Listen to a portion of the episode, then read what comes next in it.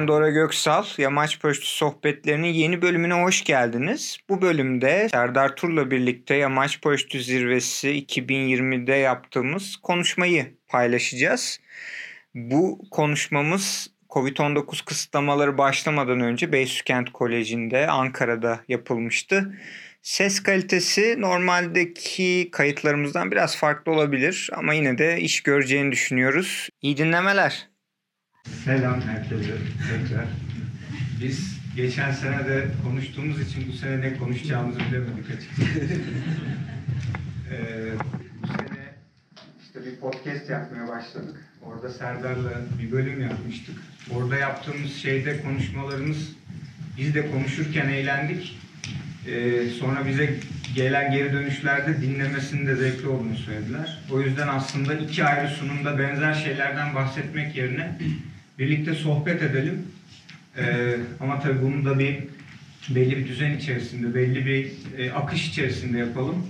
Hem kendimize sorduğumuz soruları şu anda bulunduğumuz işte burada bir sürü farklı seviyeden insan var. Şu anda bulunduğunuz seviyelerde kendi kendinize sorduğunuz soruları aslında biz kendimize, ben Serdar'a, Serdar bana soracak. Ki zaten bunu işte kaç, 10 senedir Yamaç Koştu'nun içindeyiz yaklaşık. Sürekli birbirimize soruyoruz bu soruları. Ee, bugünkü konuşmamızda aslında e, başlığını 11 soruda Yamaç Paraşütü dedik. Çünkü Yamaç Paraşütü'nü e, 10 yani aslında sorulara ayırmak istemedik ama Yamaç Paraşütü'nü bir öğrenme süreci olduğunu fark ediyoruz. En başından başladığımız andan itibaren. Ama farklı şekillerde e, öğreniyoruz. Öğrenmenin şekli ve niteliği zaman içerisinde değişiklik gösteriyor. E, biz bunu üç farklı dönem altında ele alacağız aslında. Yamaç paraşütünü bitmek bilmeyen bir öğrenme süreci olarak ele alacağız. Ondan sonra da bu üç farklı dönem içerisinde aslında biz o dönemler içerisindeyken kendi kendimize hangi soruları soruyoruz ya da sormuyorsak neden bunu sormalıyız diye e, düşündüğümüz şeyleri konuşacağız. E, başlamadan önce ben tekrar teşekkür etmek istiyorum. Yine bir teveccüh gösterdiği için Tarık abiye, APP'ye ve Eşkent Koleji'ne. E, Yamaç paraşütü ile ilgili sezon dışında böyle bir toplantı yapmak değerli. Geçen seneki toplantının, geçen seneki zirvenin e, bir sürü konuda bir yenilik getirdiğine, bir ihtiyacı karşıladığına e, dair bir genel kanımız var. Hem tanıdığımız arkadaşlarımızdan hem sizden, e, diğer insanlardan duyduğumuz kadarıyla. Hem onlara teşekkür ediyoruz hem bir pazar günü güzel bir havada muhtemelen ayakta falan rahatlıkla uçulabilecek bir havada burada bizimle olduğunuz için teşekkür ederiz. Ee, şimdi bu öğrenme süreci dediğimiz zaman aslında üç bölümü ayırıyoruz dediğimiz zaman burada ayırdığımız üç bölüm e, çok temel şeyler. Birincisi başlangıç eğitimini aldığınız zaman yani yamaç paraşütünde e, yamaç paraşütüne dair çok fazla bir şey bilmediğiniz dönem. ilk tanışma dönemi. Baş, buna başlangıç süreci diyoruz. Burada birkaç tane soru soracağız ve onlara yanıt arayacağız. İkinci bölüm e, orta düzey, kimi kulüplerde ileri düzey deniyor, kimi kulüplerde kulüp pilotluğu deniyor. E, P3, P4 deniyor ya da başka bir Türk Kurumu'nun fayını sisteminde. Yani bir kulüp eğitimi içerisinde olduğunuz, aslında yamaç paraşütüne gerçekten teknik olarak ilk kez vakıf olduğunuz, yeni şeyler öğrendiğiniz dönem. Bu ikinci dönemimiz. Üçüncü dönemimizde e, kendi kendine öğrenme dönemi dediğimiz, aslında artık kulüpten ve eğitmenlerden aldığınızın ötesine sizin bir şeyler koymanız gereken zaman. Burada asıl öğrenme burada gerçekleşiyor. Ee, bunu bu, burada bugün yapacağımız konuşmayı kabaca şöyle düşünebilirsiniz. Bir mesafe pilotu olmak istiyorsunuz, mesafe uçucusu olmak istiyorsunuz, mesafe uçuşları yapmak istiyorsunuz, yarışmalara katılmak istiyorsunuz, e, çeşitli yarışmalara katılmak istiyorsunuz. Farklı seviyelerde, farklı yerlerde. Bunun için bir yol haritası nasıl çizebiliriz? Hangi aşamalardan geçiyoruz ve bu aşamalarda aslında nelere dikkat etmeliyiz? Neleri biliyoruz, neleri atlıyoruz, neleri önemsiyoruz, önemsemiyoruz? Aslında bunlara bakacağız.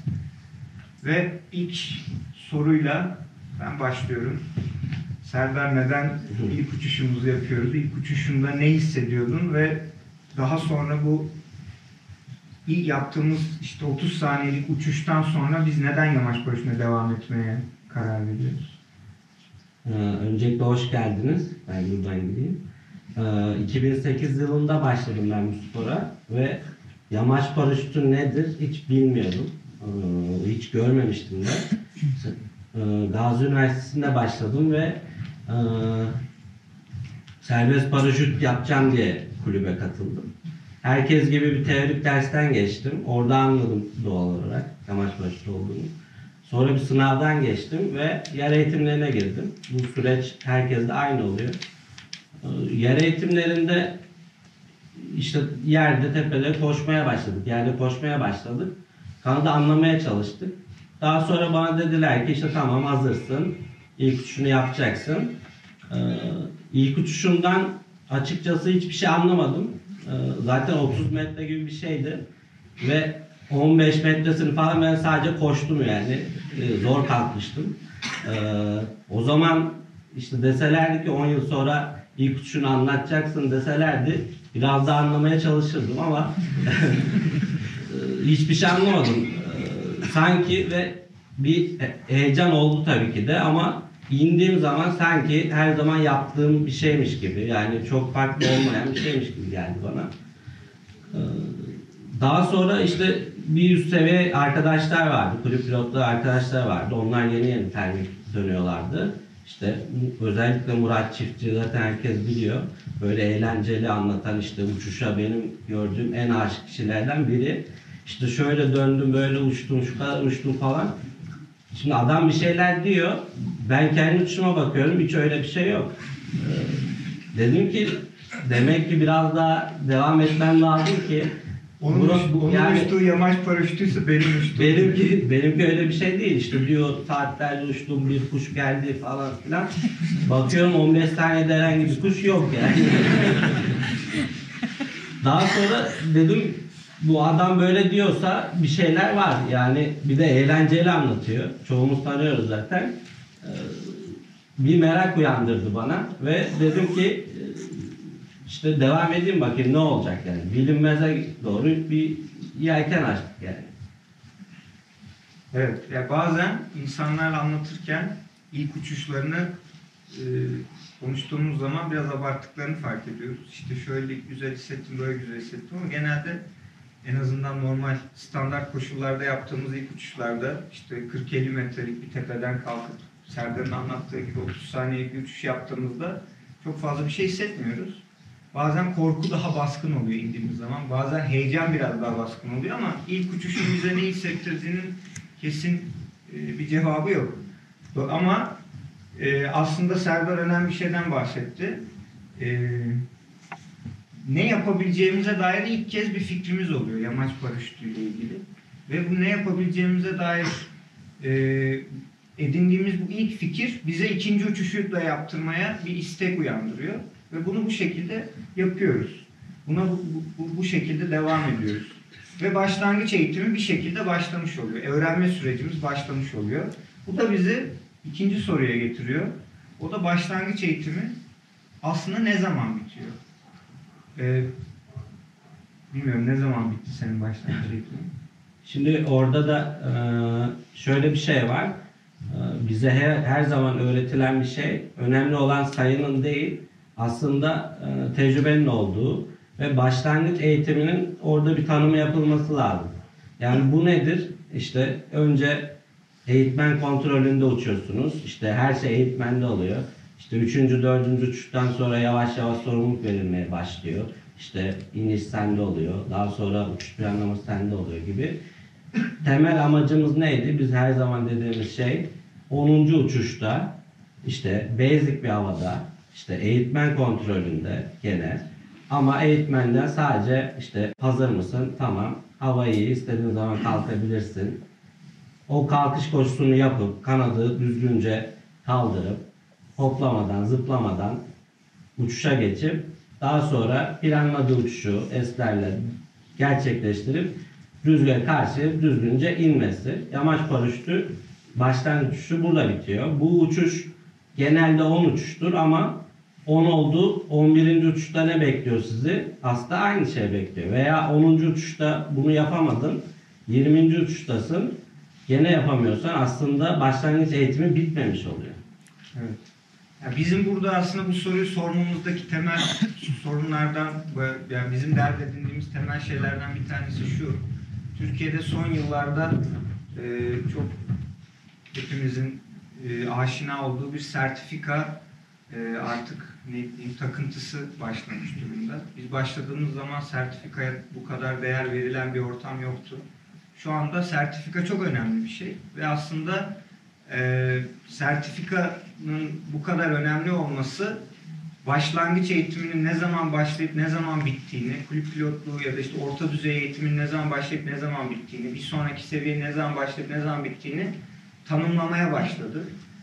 Başlangıç eğitimi bitti deniyor ve işte e, bir sertifika veriliyor ama bu verilen sertifika uçuş sayısı bazında veriliyor. Sen belli bir sayıda uçuş yaptıysan diyelim ki 7 uçuş ya da diyelim ki 10 uçuş. Başlangıç eğitimini bitirdin sayılıyorsun. Halbuki bir, buraya bu, bu tarz yani yamaç paraşütünü bu böyle yönergelere, yönetmeliklere indir, indirgediğimiz zaman bir şeyleri atlamış oluyoruz. Atladığımız şey de çok çok temel bir şey. Başlangıç eğitimi dediğimiz şeyin bitmesi aslında şuna bağlı. Kalkışta bir eğitmen, inişte bir eğitmenin olduğu bir durumda eğitmen komutu olmaksızın, eğitmen size sadece şu an koşullar sana uygun, senin kalkışın için müsait, kalkabilirsin dediğinde e, senin o kalkışı kontrollü bir şekilde yapıp gerektiği zaman frenleri bırakıp gerektiği şey kolonları bırakıp fren aldığın gerektiği zaman e, kalkışını gerçekleştirdiğin kontrollü bir şekilde dönüşlerini yaptığın, doğru zamanda stol, geç ya da erken olmayan stol bastığın ve indiğin durum. Bu 10. uçuşta da olabilir, 15. uçuşta da olabilir, birisi için 5. uçuşta da olabilir. Ama başlangıç eğitimi şu sayıda uçuşta biter diyemeyiz. Tıpkı diğer aşamalarda olduğu gibi. Bu soruyu özellikle ilk başta sormamızın sebebi bu. Ee, bir, bu da bizi aslında bir diğer soruya getiriyor. Üçüncü soruya. O da yamaç paraşütüne devam etme kararını nasıl veririz? Çünkü başlangıç eğitiminiz bir şekilde artık bitti. Bunu bunu biliyorsunuz. Size eğitmeniniz, kulübünüz bu şekilde söylüyor. Peki siz başlangıç eğitimine devam etme kararını ne zaman veriyorsunuz? Ya da başlangıç değil. Yamaç paraşütüne devam kararını ne zaman verdin sence? Yani ee, şöyle yamaç paraşütüne aslında devam kararı verilmez. Bırakmama kararı veriliyor. Çünkü bir anda eğer bırakmıyorsan kendini bu sporun içinde buluyorsun ve bir şekilde daha fazla uçmaya çalışıyorsun.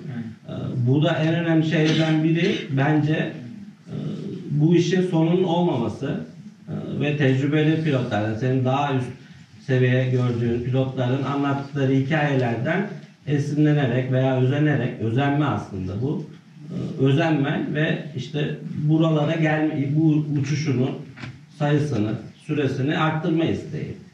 Veya işte düz uçarken 15 saniye için belki bir gün o soğukta, Ankara'nın soğuğunda veya başka bir ilin soğuğunda bekliyorsun ve 15 saniyelik veya 30 saniyelik bir uçuş için. Ama sen biliyorsun ki ben bunu yapmak zorundayım. Çünkü daha iyi, daha uzun uçmak istiyorsam bu aşamalardan geçmek zorundayım gibi bir şey çıkıyor ve özeniyorsun. Ee, önemli olan o bence. Evet. Yani yamaç paraşütüne devam etmek bu, bu soru biraz ironi olsun diye böyle sorduk aslında. Çünkü yamaç paraşütüne devam etme kararı verilen bir şey, verilen bir karar değil. Aslında biz yamaç paraşütünü bırakma kararı veriyoruz. Şu anda burada olan herkes henüz yamaç paraşütünü bırakma kararı vermediği için burada. Yamaç paraşütü devam etmeye karar verilen bir şey değil. Zaten içinde olduğunuz için devam ettiğiniz bir şey. Şimdi Ara- aramızda mesela şu anda başlangıç eğitiminde olan insanlar var. Düşünün, yamaca gidiyorsunuz. Bir gün önce yağmur yağmış, fırtına var, rüzgar, kuvvetli rüzgar esiyor. İşte sizden bir sene, iki sene önce başlayanlar kalkmışlar, işte yelken yapıyorlar. İniyorlar, kalkıyorlar, acayip eğleniyorlar. Eğitmenleriniz çok eğleniyor, gülüyorlar filan böyle. Hatta yeni başlayanlar size hava atıyorlar, sinir oluyorsunuz. Siz bir şey yapamıyorsunuz, uçamıyorsunuz yani. Çam, çamurda bekliyorsunuz, paçalarınıza kadar çamura batmışsınız. Çok soğuk, kanadın arkasına bekliyorsunuz. O kanadı birisi alıyor, gidiyor, uçmaya başlıyor, kanadınız da kalmamış oluyor. Güneş çıkıyor, yanıyorsunuz, rüzgar esiyor, tekrar üşüyorsunuz. Bunu bir kere yapıyorsunuz. Bir cumartesi günü arkadaşlarınızla şehirde rahatça takılabilecekken. O gün gidiyorsunuz, hiç uçamıyorsunuz ve geri dönüyorsunuz. Pazar günü tekrar gidiyorsunuz. Tekrar aynı şeyler oluyor. Pazar günü yine sizden tecrübeli olanlar yine aynı şekilde uçuyorlar. Siz orada beklemeye devam ediyorsunuz. Ee, işte Instagram'ı açıyorsunuz akrocular acayip yerlerde böyle güzel güzel şortlarla uçuyorlar kış zamanı. Siz orada üşümeye devam ediyorsunuz. Bu mantıklı değil yani. Bunu neden yapıyorsunuz? Bu, bunun hiçbir anlamı yok. Bir insan bunu kaç kere daha yapabilir? Zaten bu yüzden yamaç paraşütünün e, çok daha geniş kitlelere yayılması muhtemelen e, yayılmasının önüne geçiliyor. Bu ma- makul bir durum değil. Ama bunu yapmaya devam ediyoruz. Bunu yapmaya devam etmemizin sebeplerinden en önemlisi Serdar'ın dediği işte oradaki adamları işte ve kadınları gördüğünüz zaman ne kadar işte eğlenceli bir şey olduğunu görüyorsunuz ve siz de bunu yapmak istiyorsunuz. Ona dair motivasyonunuz devam ediyor ve bu motivasyon sizi cumartesi gelip hiç uçmadan üşüyerek, çamura batarak eve döndürüyor. Ertesi gün tekrar getiriyor. Ertesi gün tekrar götürüyor. Bazen e, çok fazla kez bunu yapmanız gerekiyor. Belki bir başlangıç senesinde özellikle üniversite kulüpleri için toplamda 4-5 uçuş yapıyorsunuz ama 20 kere yamaca gidiyorsunuz ve 20 kere uçamadan dönüyorsunuz. Sebeplerden bir tanesi bu ama benim değinmek istediğim diğer bir sebep var. Ee, yamaç paraşütüne devam etmeyle ilgili. Şu anda gördüğüm ve önemli bir sorun. Yamaç paraşütünü bir spor olmaktan çıkartan şey. Yamaç paraşütüne insanlar tandem pilotu olmak için başlıyorlar. Ee, yani bir iş, meslek edinmek için başlıyorlar. Ee, bunda yanlış bir şey yok. Bir meslek edinmek için yamaç paraşüt, yani bir meslek edinmek için herhangi bir kursa gidebilirsiniz. Bu çok olası bir şey. Ama bu yamaç paraşütünü spor niteliğinden uzaklaştıran bir şey aynı zamanda. Spor olmaktan çıkartıyor yamaç paraşütünü. Ee, yamaç paraşütünü spor olmaktan çıkardığınız zaman da elinize çok fazla bir şey kalmıyor. Keyif almadığınız ama ileride iyi para kazanırım, güzel rahat yaşarım diye düşündüğünüz bir iş için e, aslında çok da hoşunuza gitmeyen bir şey yapmış oluyorsunuz. Bunun en büyük, bu- bununla ilgili başınıza gelecek en büyük problem zaman içerisinde çok sıkılacaksınız. Tandem pilotu olduğun, olduğunuzda yaptığınız iş- işten zevk almayacaksınız. E, ikincisi de nihai bir hedefiniz ve sabit bir hedefiniz olduğu için tandem pilotu olduğunuz olmak için bütün aşamaları atlaya zıplaya geçeceksiniz ve arada çok ciddi güvenlik boşlukları oluşacak. O sürede çok ciddi kazalarla karşı karşıya kalabileceksiniz. Yamaç paraşütünü tandem pilotu olmak için bırakmıyorsanız bu gerçekte yüzleşmeniz gerekiyor. Ee, ayrıca turizm her zaman iyiye gidecek diye bir şey yok. İşte bu sene durum ortada mesela virüsler, savaşlar vesaire. Ee, dışarıdan görünen işte çok güzel görünen e, böyle ya işte hem uçuyorlar hem sevdikleri şeyi yapıyorlar hem de para kazanıyorlar. Mükemmel bir hayat diye görünen şey e, dışarıdan göründüğü kadar mükemmel olmayabilir. Bunun için de kendinize bir, bir tane soru işareti e, koymanız, bu eğer hedefiniz, amacınız, nihai e, fikriniz buysa bunu bir kez daha düşünmenizi tavsiye ederim ben. Ee, buradan sonra biz bu bir dördüncü soruya geliyoruz. Aslında başlangıç eğitimiyle ilgili daha fazla soracağımız bir şey yok. Ee, bu da bir sonraki aşamamız yani işte orta düzey, ileri düzey ya da kulüp pilotluğu seviyesi. Bu seviyede e, aslında ilk kez yamaç paraşütüyle tanıştıktan sonra ilk kez teknik bir şeyler öğrenmeye başlıyoruz. Gerçekten yamaç paraşütü pilotu olmaya başlıyoruz. Yamaç paraşütüne dair gerçekten fikrimiz olmaya başlıyor. Burada da e, ortaya bir kalite problemi çıkıyor. Yamaç paraşütü eğitimi alıyorum ben. Şu anda gerçekten yamaç paraşütünün içine giriyorum bir şekilde. Bu spora bağlanıyorum. Ama aldığım eğitim yeterince kaliteli mi? Eğitmenim iyi bir eğitmen mi? Ben şu anda doğru şeyi mi yapıyorum? Ya, doğru şeyi yapmıyor muyum? Bu soruyu sormamız gerekiyor. Sen bu soruyu sordun mu kendine? Sordum. Sordum. Ee, Ben bu konuda şanslı hissediyorum. Ee, Bizim kendisi aramızda biraz totosunu kaldırmak gibi olsun olacak.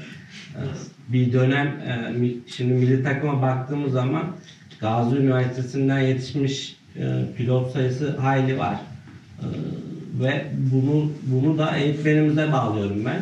Ee, Eğitmenimiz her şeyden önce bir pilottu ve kendi yapabiliyordu. Yani bize aktardığı şeyleri, söyledikleri şeyleri kendi yapabiliyordu. Ve bunun da öncesi bize her zaman dediği şey işte bu sporda güvende olmak için şunları yapman lazım, bunları yapman lazım. Çünkü bir doğa spor yapıyoruz. Bir tehlike tabii ki de var ve önce güvende nasıl oluruz onu onu anlatmaya çalışıyorduk. Daha sonra iyi bir teorikle kötü şey iyi bir teorikle iyi bir pilot olursun. Yani kötü bir teorikle iyi bir pilot olamazsın. Bunu aşıladı ve bizi her zaman gelişime e, itti. Diyelim ki işte bir termik döneceğiz. Termiği şöyle döneriz, böyle döneriz gibi değil. İşte daha verimli dönmek için işte kor arayacaksın. Şunları yapman lazım gibi. Yani kendi denediği, kendi doğrularını ki kendi uçtuğu için bir doğruları var. Bunları bize aktarmaya çalıştı. Bizi bir güvenlik şeyinin içinde tuttu zaten. Ama gelişmemiz için de elinden geleni yaptığını düşünüyorum. Ve kendisini de o dönemde öz- özendik. Çünkü yarışma pilotuydu. Ee, İşte dediği şeyleri böyle kanun gibi algıladık. Ee, Çünkü onun tecrübesine, e, kendi fikirlerine inanıyorduk. Ee, Bu şekilde oldu. Kötü bir eğitmen olsaydı işte daha daha şey olsaydı e, bu sefer bambaşka şeylere çıkabilirdi olay. Bu şekilde diyorum. Yani burada aslında bir eğitmen yetkinliği sorusu soruyoruz yani. Evet. Eğitmeniniz sizi eğitmek için e, ye- yeterli yetkinliğe sahip mi? Bunu da aslında doğru tanımlamamız lazım. E, işte 15 uçuşunuz var, başlangıç eğitimi aldınız. Ondan sonra bir sonraki seviyeye geçtiniz, orta düzey eğitimdesiniz. Eğitiminiz devam ediyor. Bu sürede yamaç paraşütüne dair çok az şey biliyorsunuz ve size sizin bildiğiniz her şeyi size eğitmen eğitmeniniz anlatmış durumda. Eğitmen çok önemli. Siz eğitmeninizin size verdiği kadarını biliyorsunuz ve bunu sorgulamak çoğunlukla bu aşamada aklımıza gelmiyor. Ama kendi kendinize şunu sorabilirsiniz. Ben şu anda bu eğitim yani bu eğitimin kaliteli olup olmadığını nasıl anlarım diye şunu sorabilirsiniz. Diyelim ki ilk Serdar'ın anlattığı gibi termik eğitimindesiniz. Ya da mesafe uçuşuyla ilgili bir eğitim alıyorsunuz. Ya da SIV'nizi yapıyorsunuz. Stol basacaksınız. Ee, işte spiral yapacaksınız. Ya da işte ters kalkış yapıyorsunuz. Aklınıza ne geliyorsa orta düzey eğitimlerle ilgili. Kendinize şu basit soruyu sorun. Benim eğitmenim bana şu anda öğrettiği şeyi en son kendisi ne zaman yaptı? Çok basit bir soru ve çok buna vereceğiniz cevap size çok e, bu- buna, buna, buna bundan alacağınız cevap size çok net bir sonuç verecek. Şimdi yamaç paraşütü eğitmenliği işte voleybol antrenörlüğü gibi bir şey değil. Yıllarca voleybol oynadım. Ondan sonra voleybolu işte milli seviye, milli takım seviyesinde yaptım. Ondan sonra sporu bıraktım, emekli oldum, antrenör oldum. Şimdi antrenörlük yapıyorum. Artık voley, aktif voleybolcu değilim. Aktif pilot değilseniz bilgileriniz geriye gidiyor. Bundan 5 sene önce uçulan kanatlar da, bundan 5 sene önce uçulan yarışmalar da, bundan 5 sene önce uçulan mesafeler de, teknik de şu anda çok değişti. Eğer eğitmeniniz bundan 5, en son 5 sene önce uçtuysa ve siz bu eğitmenden eğitim alıyorsanız evet belli bir düzeyde değişmeyen bilgileri alabilirsiniz ama artık güncel olmayan bir sürü şeyle karşı karşıya kalacaksınız. Yani bunu bunu birazcık atlıyoruz. Ee, yamaç paraşütünde şöyle bir gidişat olduğunu ben görüyorum. Ee, aynı yogadaki gibi. Hiç kimse yogacı değil. Herkes yoga eğitmeni. Türkiye'de de hiç kimse yamaç paraşütü pilotu değil. Herkes yamaç paraşütü eğitmeni olmaya başladı. Ve yamaç paraşütü eğitmenler şey yapıyor. Eğitmen. Bürokrat. Ee, ama yamaç paraşütü eğitmeninin eğitmeni olmak aslında bu kadar da nitelikli bir iş değil. Kendimizi çok fazla e, abartmamıza gerek yok. Yamaç paraşütü teoriyi de bu kadar kapsamlı bir şey değil. Yamaç paraşütü aslında çok basit bir şey. Ve biz çok bu çok basit şey içerisinde aslında öğrenen, öğrettiğimiz kişiye, öğrencimize e, bunu konuşurken Serdar'la ona benzettik. O örnek bence mantıklı. Öğrencinin bir fabrikada, bir fabrikadaki seri üretim bandında akan bir ürün olduğunu düşünün. İlk kez oraya geliyor ham madde, bir makinelerden giriyor çıkıyor, başlangıç eğitimi, paketleniyor, bir şeyler oluyor. O banttan o banta gidiyor, o banttan o banta geçiyor. Eğitmenin görevi o bant olmak ve o e, o seri üretimden geçen kişiyi o bantın dışına çıkarmamak. Düşmesini engellemek. Tamam eğitmenler hakkında daha fazla konuşmayayım. Düşmesini engellemek, güvenli alanda kalmasını sağlamak. Yapmak yaptığımız şey sadece bu. Bundan fazlası değil. Ee, bu, bu eğitmenlik yapan birisi olarak söylüyorum. Bu eğitmenler olarak bence yapmamız gereken bir öz eleştiri aynı zamanda. Bir diğer problem eğitmenlikle ilgili Türkiye'de çok sık karşılaştığımız bir diğer problem. Eğitmenin öğrencisiyle arasında bir otorite, otorite ilişkisi kurması gerekiyor. Çünkü e, ona bir şey öğretiyor. Yani bu akademide de böyle, içimizde akademide işte çalışan, akademisyen olan insanlar da var.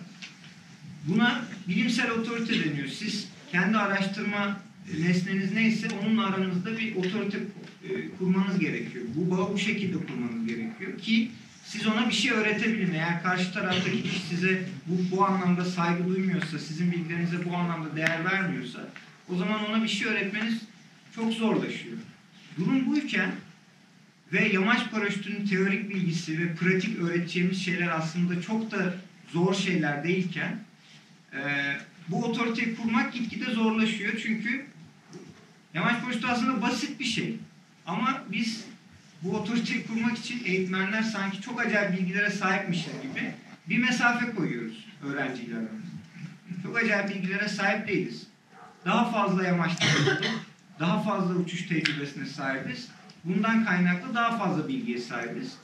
Ve niyetimiz de, amacımız da bu daha fazla olan şeyi öğrencimizde bir noktada eşitlemek. Aslında bunu yapmaya çalışıyoruz. O yüzden bundan daha fazlasını bekle, beklemememiz lazım.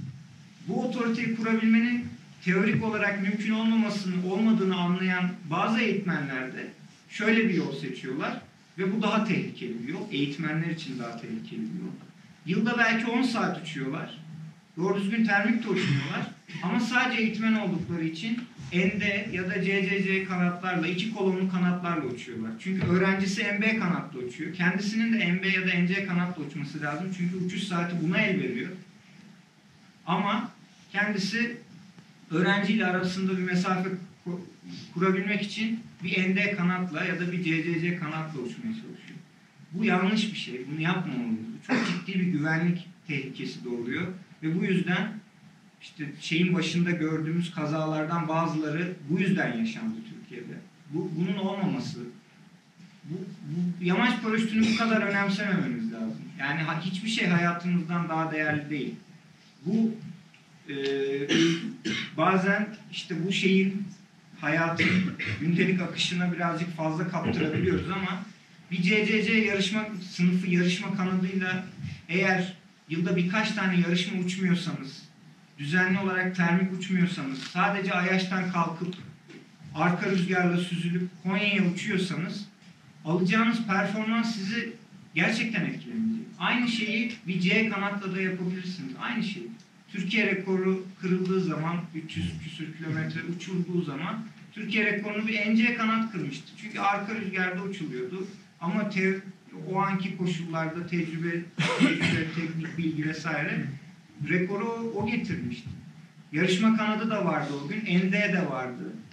Ee, çok erken patlayan ND kanatlar da oldu o gün. Çok sonuna kadar gidip Türkiye rekorunu kıran bir NC kanat da oldu. Kanat bu kadar önemli bir şey değil yani. Sırf bunun için, sırf bu farkı yaratabilmek için böyle bir tercih yapmamalıyız. Bu da bizi, bu, değil, bu, bizi diğer soruyla bağlantılı değil. Diğer sorumuz aslında bu sefer de uçtuğumuz bölgeyle alakalı. Ee, uçtuğumuz bölge, yani diyelim ki aldığımız eğitim iyi ve bu söylediğim sorunlardan azade. Ee, peki uçtuğumuz bölge kendimizi geliştirmek için uygun mu değil mi? Şimdi ben gene kendimden örnek vereceğim. O konuda ben gene şanslıydım. Ankara'da yaşıyordum ve ailem Ankara'daydı. Ve üniversitedeyken başladım spora. Yazlarım boştu. Bu sporda zaten önemli olan şey süreklilik. Bunu hepimiz biliyoruz. Ee, Ve kara, şimdi deniz kenarına gittiğimiz zaman işte orası karasal iklim. Orada uçuşlar daha farklı olur. İşte burası deniz kenarı, daha sakin olduğu gibi bir şeyler var. Ee, Bu aslında nitekim doğru. Şöyle karasal iklimde biraz daha böyle türbülans havalar olduğu için aslında e, daha pilotaj isteyen havalar oralar. Ben kendime baktığım zaman işte 50. uçuştan sonra zaten kendimi karasalda buldum ve bir termikle aşağı yukarı o uçuşlarda karşılaştım. Daha önce işte daha sert termikler değil ama daha yumuşak termiklerle karşılaştım. Belki deniz seviyesi, deniz kenarında yaşayan insanlara göre işte 200. 300. uçuşunda veya ikinci yılında karşılaşacakken ben daha erken karşılaştım.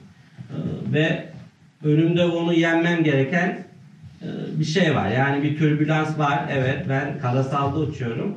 Bunun için gerekli şeyleri yapmam lazım e, diye şey yaptım.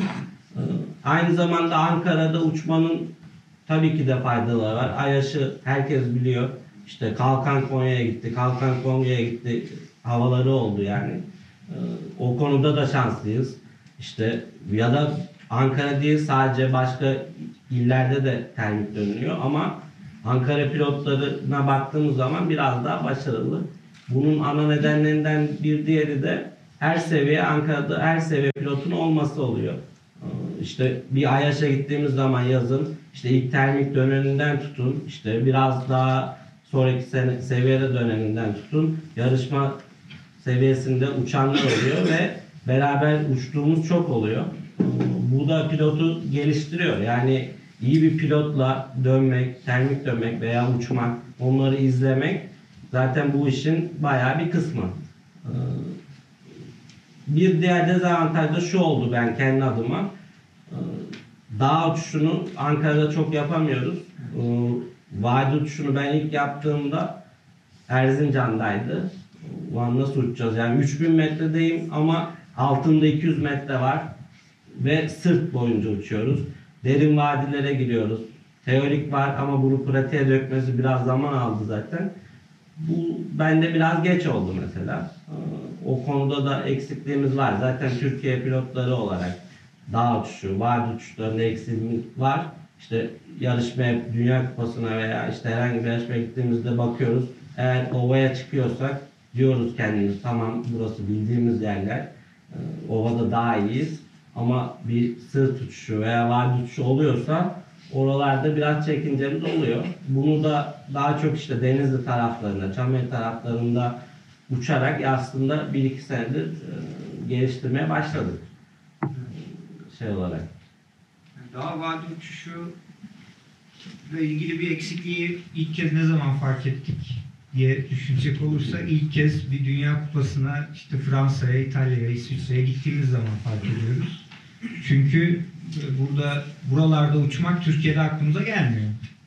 Halbuki bu da bir uçuş ve insanlar çok işte çok dar vadilerde başlangıç eğitimi alıyorlar ve çok güvenli bir şekilde bunu yapabiliyorlar. Ama biz buna alışkın değiliz.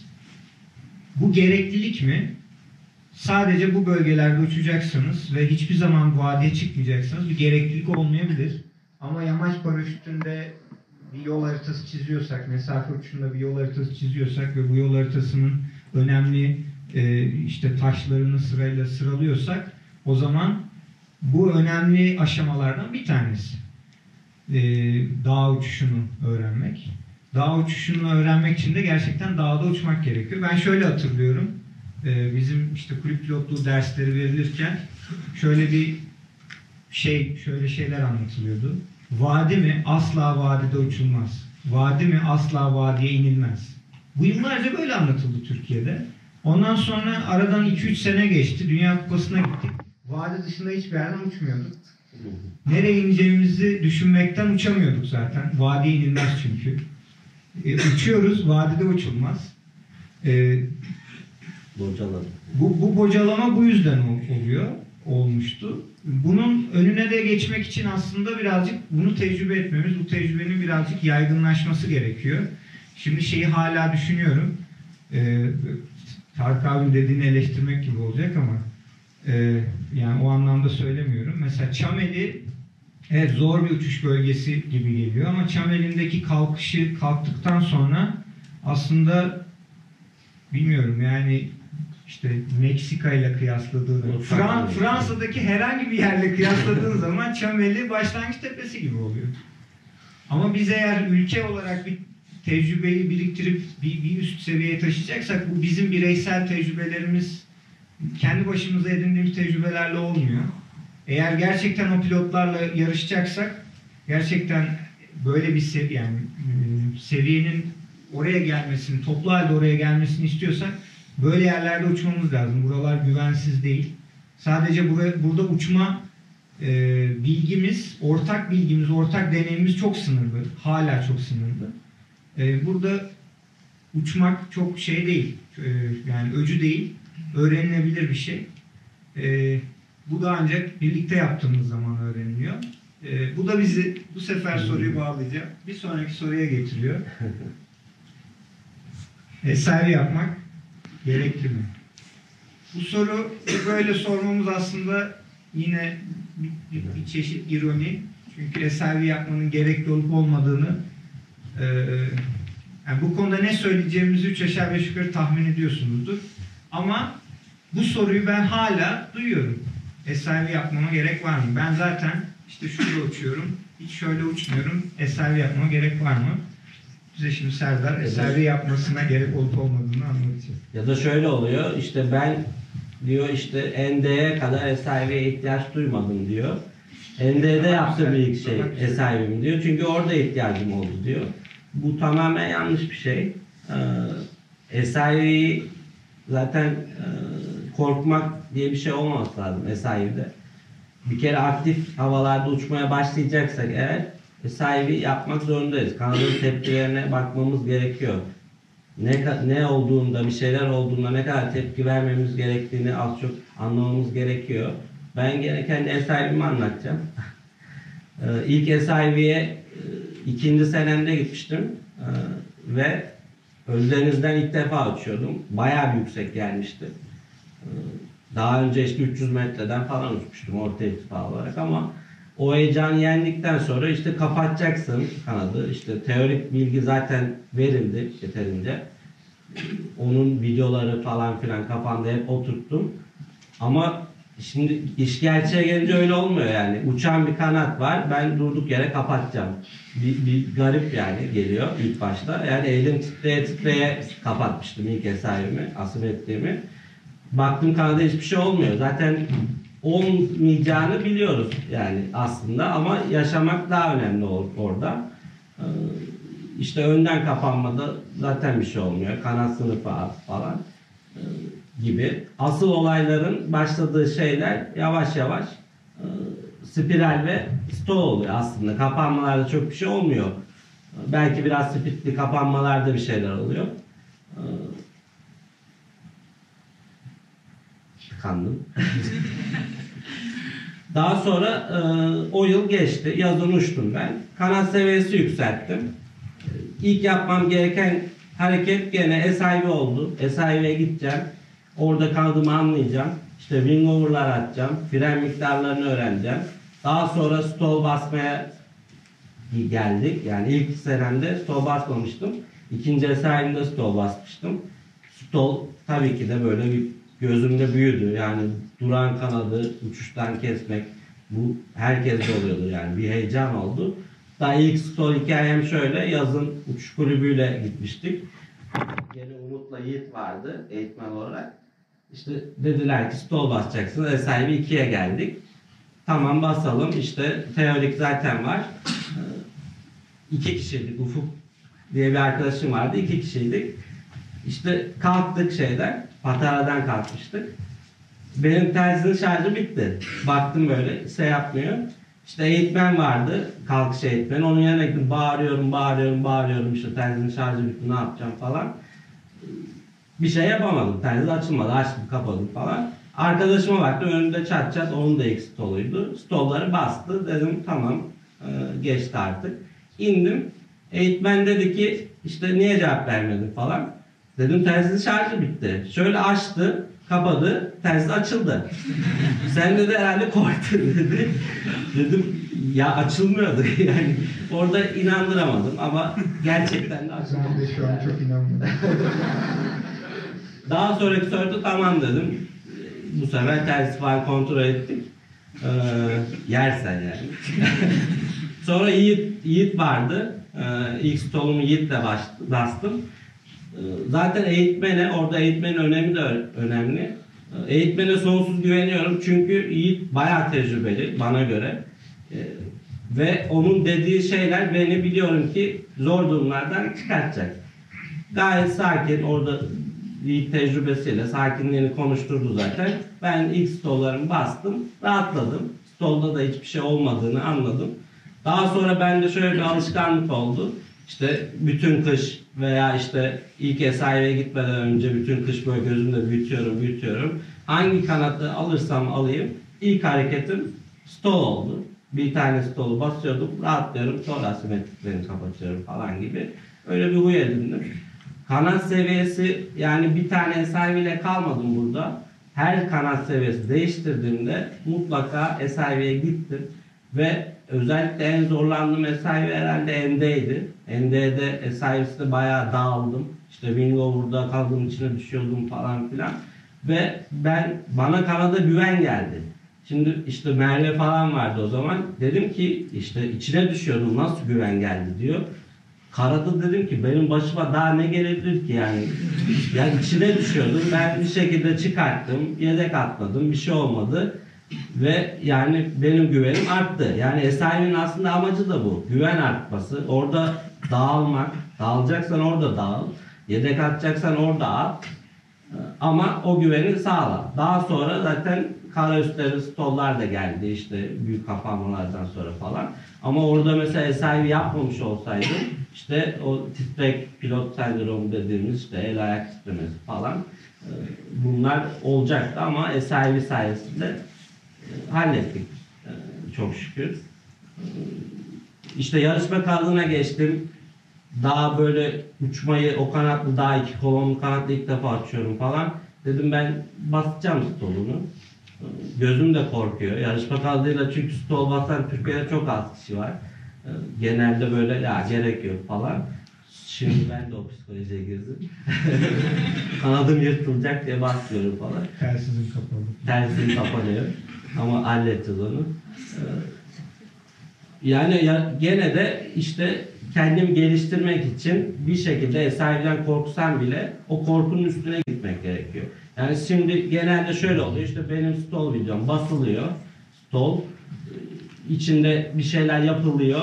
e, Çıkıyor kanat ama aslında bir kontrol yok. Burada önemli olan senin işte stoldaki rahatlığın veya stolun bir sürü tipi var. İşte şişirme, kravat olmaman lazım. Şişirmen lazım. Stolun içinde rahat olman lazım. Veya iki kolon kanatlar çıktı. Şimdi stollar değişti.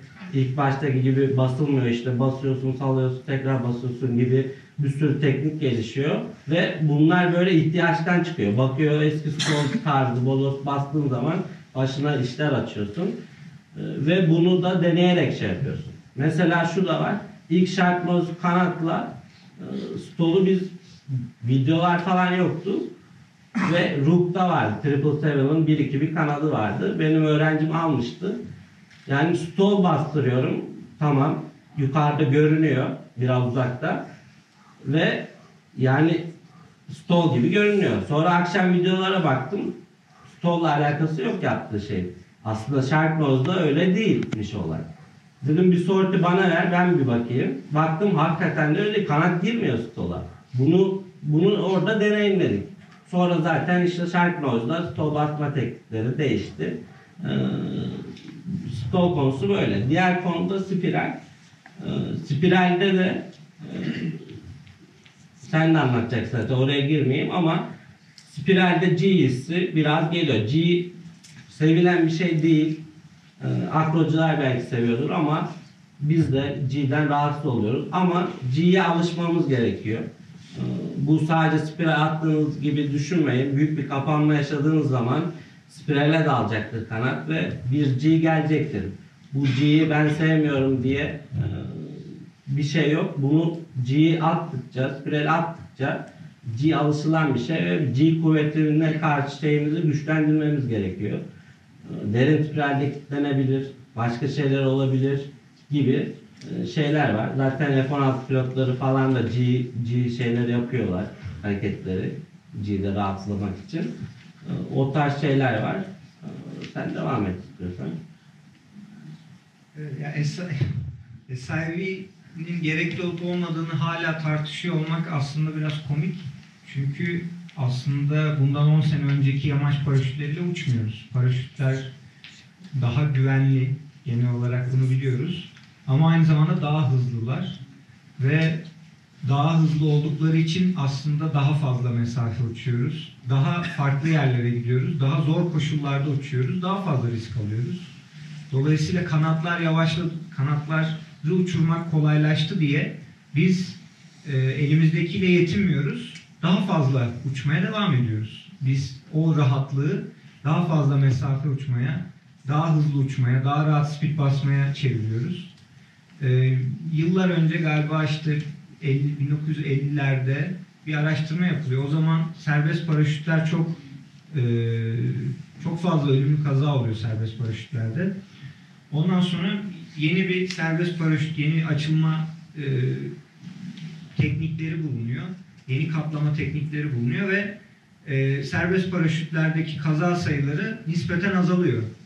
Ondan sonra serbest paraşüt daha güvenli bir hale geldiği için normalde serbest paraşüt yapmayacak bir sürü insan serbest paraşüt yapmaya başlıyor. Serbest paraşüt tüm bu teknikleri güvenli hale geldikçe daha fazla insan spora katıldığı için oransal olarak kaza sayısı hep aynı kalıyor yıllar içerisinde. Yamaç paraşütünde de böyle benzer bir durum var. Belki şu anda biz işte 10 senelik pilotlarız. Burada 15 senelik, 20 senelik, 30 senelik pilot var bilmiyorum ama çok eski pilotlar da var. Ee, ve işte 1 senelik, 2 senelik pilotlar da var. Belki bize 1 senelik, 2 senelik pilotlara, 10 senelik pilotlara 20 sene öncenin kanatlarını verseler uçurmakta çok zorlanacağız. Ee, çünkü şu anda bambaşka bir yamaç paraşütü var. Ama daha fazla insanın spora katılmasına sebep olduğu için şu andaki yamaç paraşütlerini daha çok seviyoruz. Bunlarla uçmayı daha çok istiyoruz. SIV teknikleri de bununla birlikte değişti yıllar içerisinde. Ee, ilk hissettiğimiz şey, ilk başımıza gelen şey çok ufak kanatlarla SIV yapıyoruz ve ufak kanatlarla SIV yapmak aslında o kadar da kolay bir şey değil. Ufak kanattan kastım aspect ratio'su daha düşük olan, görünüş oranı daha düşük olan kanatlar. Ee, kanadın görünüş oranı düştükçe ve kilo limiti azaldıkça örneğin NA ve bir XS ya da XXS kanattan bahsedelim. O kanatla manevraları yapmak çok daha zor. Kanatla ilgili çok temel bir problem var. SIV'nizi yapacaksınız. 50 kilosunuz. XS bir kanatla uçuyorsunuz. NA bir kanat. Bu kanatla uçarken e, spiral yapacaksınız. Kanat çok rahatlıkla derin spirale girip oturabilir. Ve derin spiral spiralden aslında çok daha farklı bir manevra. Farklı bir farklı bir hareket. Spiralin keskini gibi düşünüyoruz ama aslında çık, girişi de farklı, çıkışı da farklı teknik olarak. Dolayısıyla bir NA XS kanatla SIV yapmak ve ilk kez SIV'sini yapacağını varsayıyoruz bu kişinin. Normalde bir MB ML boyunda bir e, işte 100-500 limitli bir kanatla eser yapmaktan çok daha zor. Aynı şey NA bir kanadı stola sokmak için de geçerli. Ee, çok zor stola giriyor. Hele ki ilk, ilk yani okul kanadı denilebilecek kanatlar işte ozondaki element gibi filan e, atom gibi e, bunların stola girmesi iyice imkansız. Teknoloji SRV ile birlikte değişiyor. Şimdi bu kanatlarla ilk SRV'nizi yapacaksınız diyelim. İlk SRV'nizi yapacaksınız, spiralinizi atacaksınız. Eğer bunu evet ben spiral attım, tik, ben stol bastım, tik diye tikleyip geçecekseniz burada bir eksik var. Çünkü bu kadar basit değil. Çünkü siz normalde arka, 70 kiloluk arkadaşınızla aynı mesafeyi yapmıyorsunuz. Aynı spirale atmıyorsunuz, aynı stolu basmıyorsunuz. Ve biz bu tarz detayları genelde atlıyoruz. Eğitmenler olarak da atlıyoruz. Ee, işte yamaç paraşütünün farklı kilo boylarını farklı seviyelerde farklı tepkiler verdiğini de çok fazla düşünmüyoruz. Bunları pas geçiyoruz. Bu önemli. Bunu biliyor olmak, bunu, bu bilinçle SIV'ye gidiyor olmak lazım. Bir diğer söylemek istediğim şey de SIV zaten bizim korkularımızı yenmek için yaptığımız bir şey. Siz SIV'ye gidiyorsunuz. SIV'nizi bitiriyorsunuz. SIV'nin son uçuşunu yapıp yere indikten sonra kendinize şunu sormalısınız. Ben bu SIV'yi yaptım. Korktuğum şeylerin bir kısmını en azından hiç değilse bir kısmında artık korkmuyorum. Değil mi? Eğer hala korkuyorsanız o zaman yap, e, henüz e, SIV eğitiminiz SIV'deki doğru simülasyonu yapmamışsınız, yeterli şey yapmamışsınız demektir. Ya da eğitmeninizle aranızda bir iletişim bozukluğu var, o sizin yaptığınızı söylüyor siz henüz SIV'nizi gerekliliklerini yerine getirmediniz demektir. Hafife alınacak bir şey değil SIV. Ama ben bu sene katıl, geçen sene katıldığım ve eğitmenlik eğitimi olan bir eğitimde e, bir eğitmenden şöyle bir şey de duydum. Yani stol çok yapılmasa da olabilir. Çünkü stol çok muğlak bir hareket. Sonunda ne olacağı belli değil. Şimdi oradaki herkes eğitmenlik eğitimi alıyor.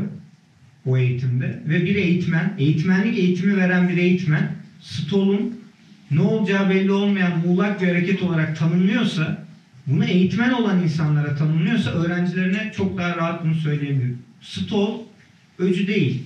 Stol wing over'dan, kapanmadan e, farklı bir hareket değil. Hatta asimetrik kapanma yerine göre işte çok şey e, bazen eli çok ağır arkadaşlar olabiliyor vesaire yaparken ağırlığını aktaramayan ya da yani direkt söyleyeyim ben diye ve motor fonksiyonları biraz gecikmeli çalışan insanlar olabiliyor. Kapat diyorsun, kapatmıyor tam. Daha kuvvetli kapat diyorsun, bam diye bir kapatıyor. Kanat %70 kapanıyor. Ağırlığı dışta kalıyor. Bu sefer ters taraftan otorotasyona giriyor ve yedek atmak zorunda kalıyor. Şimdi otorotasyona girmiş bir kanadı çıkartabilmesi için spirali de yapabilmesi lazım. Ama spiral hissini sevmiyor çünkü G kuvvetin hoşuna gitmemiş, onu yapmamış. Eğitmen de spiralde bir şey olacak, başıma bir şey gelmesin diye yaptırmamış. Ondan sonra kanat kapanmış bir taraftan. Kanat düşüyor. O düşüş sırasında stol basması lazım. Eğitmen ya o hareket muğlak ya yaptırmayayım demiş. Bu zaten bodos bunun eli kolu ayrı oynuyor. Buna yaptırmayayım daha iyi olur demiş. Şimdi herkes bir şeyden kaçındığı zaman stoldan stol yaptırmaktan kaçındığın zaman, spiralden kaçın, hepsinden kaçındığın zaman Bir şey kalmıyor. geriye bir şey kalmıyor ama SIV bu kadar bu kadar basit, bu kadar hafife alınacak bir şey değil ve çok büyük bir gereklilik. Ee, SIV ile ilgili Türkiye'de daha fazla bilince ihtiyacımız var. Daha fazla SIV yapmaya ihtiyacımız var. Ben son bir şey söyleyip bu bölümü bitireyim. Daha sonra devam edeceğiz son bölümle. Ee, şimdi ilk ilk kez Dünya Kupası'na gittik. Ee, kanatlarımız yetişmemişti işte Brezilya'ya. Ben Can Tekin'in kanadını aldım. Serdar Alp'in kanadını aldı. İşte, e, herkes uçuyor. Herkes de işte yarışma kanatları var, Enzo'lar vesaire. Biz de onlara yetişmeye çalışıyoruz. Gole geldik. Bir gün grupla da birlikte uçtuk. Nadir bir şey yani ilk kez gittiğimiz yarışmada grupla birlikte uçup gole gelmek. Gole geldik. Adamlar Enzo'larla işte bumeranglarla stol basıyorlar. Golün üstünde 300-400 metrede spin yapıyorlar. Misty flick falan var hareketler yapıyorlar. Biz de böyle ya gole geldim artık speed'den ayağımı çeksem mi? Yoksa biraz daha bassam filan diye düşünüyoruz. Ondan sonra aşağı iniyoruz. Birbirimizle konuşuyoruz. Ya adam şey yapıyor işte ya o test pilotu, o bilmem ne pilotu. Şimdi ben o günden bugüne bakıyorum. Golün üstünde stol basan adamların hepsi test pilotu değil arkadaşlar. Yani bu bu bu kadar zor bir hareket değil. Ben demiyorum ki hepimiz aynı anda ve çok hızlı bir şekilde enzolarla, bumeranglarla golün üstüne geldiğinde geldiğimizde stol basalım. Ama bu, bu şunun göstergesi. Kanat hakimiyeti bakımından e, çok iyi pilotlar var ve biz eğer yamaç paraşütünde çok iyi olmanın bir yol haritasını çıkarmaya çalışıyorsak şu anda o seviyeye bir şekilde yaklaşmak zorundayız. Bunu toplu halde yapmak zorundayız. Yalnız başımıza birimizin iyi olmasının belki bir kişiye faydası var ama beşimizin, onumuzun iyi olmasının yüz kişiye faydası var. Bu, bunu da o yüzden bu şekilde anlatıyoruz. Ee, bu eseriyle ilgili herhalde Buradan Öldeniz'e gideceğiz gibi. Buradan, buradan Öldeniz'e devam edeceğiz. Tamam. Ee, Yani SIV ile ilgili söyleyeceğimiz bunlar. Bundan sonra işte 7. soru, 11. soruya doğru devam edeceğiz. Buradan sonra da kendi kendine öğrenme süreci diye tanımladığımız şeyi anlatacağız. Bu bölümü böyle kapatalım. Onun devamında da sizin sorularınız olursa onları cevaplarız.